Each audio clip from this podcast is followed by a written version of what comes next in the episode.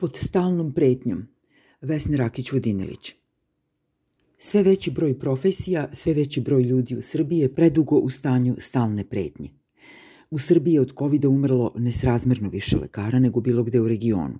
Bez obzira na sve organizovane i sponzorisane relativizacije i podsmehe, rečenice doktora Radeta Panića i Dejana Žujovića izgovorene gotovo kroz jecaje ili rezigniranim sarkazmom, kao redko autentično svedočanstvo, stigle su do emocija velikog broja ljudi. Svaka od njih ozbiljno drma kulu autoritarnosti sačinjenu od neautentičnih materijala. U Srbiji su u poslednje vreme najmasovniji ulični protest organizovali samozaposleni IT i drugi mali preduzetnici, jer je država odlučila da ih oporezuje retroaktivno i na predatorski način. Ljutinu i pregovaračku čvrstinu imaju i ne kriju je. Imaju znanje koje ovde nije moć, a moglo bi postati.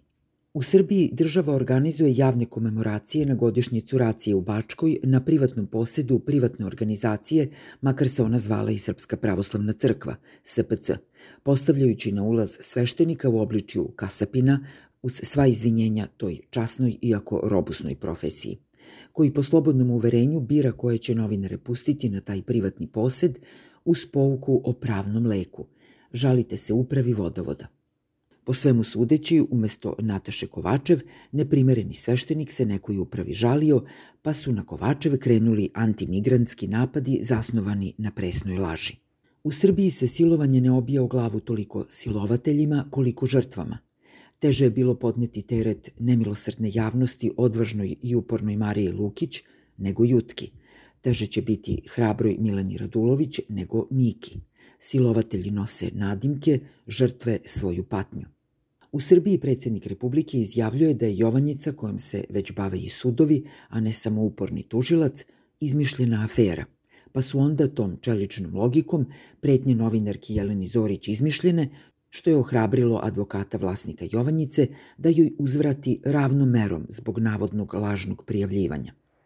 U Srbiji se predsednik Skupštine bavi kriterijumima pozivanja na takozvani dijalog o izbornim uslovima, iako je koliko pre mesec dana tvrdio da se radi samo o ispunjavanju obaveza koje je ranija predsednica te iste skupštine ugovorila sa Mekalisterom, kako je reči to objasnio. U Srbiji, čak i po permanentno ulepšavajućim podacima Republičkog zavoda za statistiku, RZS, u stanju pretećeg siromaštva živi jedna četvrtina stanovništva, a oko pola miliona ljudi je ispod, u apsolutnom siromaštvu i to pre epidemije. U Srbiji su redki autentični i hrabri glasovi. Vlast govori mnogo, previše, ali nikad takvim glasovima. Egzistencijalne pretnje vise nad velikim brojem ljudi koji žive ovde. Šta nam to nedostaje upreko s velikom riziku? Da li su interesi koji su ugroženi stalnom pretnjom toliko različiti da ne mogu da se povežu i zajedno brane? Tako izgleda, bar gledano od ozgo, ali mi smo ipak dole i nemamo komfor pogleda sa vrha najviše građevine, na primjer u Beogradu na vodi. Jedni neće proizvoljno odmeren i retroaktivno plativ porez, drugi hoće presudu zbog državno zaštićene proizvodnje marihuane u Jovanjici, doktori neće da umiru zbog oskudice i šlamperaja organizaciji bolnica, Žrtve silovanja ne mogu više da ćute i traže pravdu za sebe, novinari više neće da izigravaju glinene golubove podložne ciljanom odstrelu.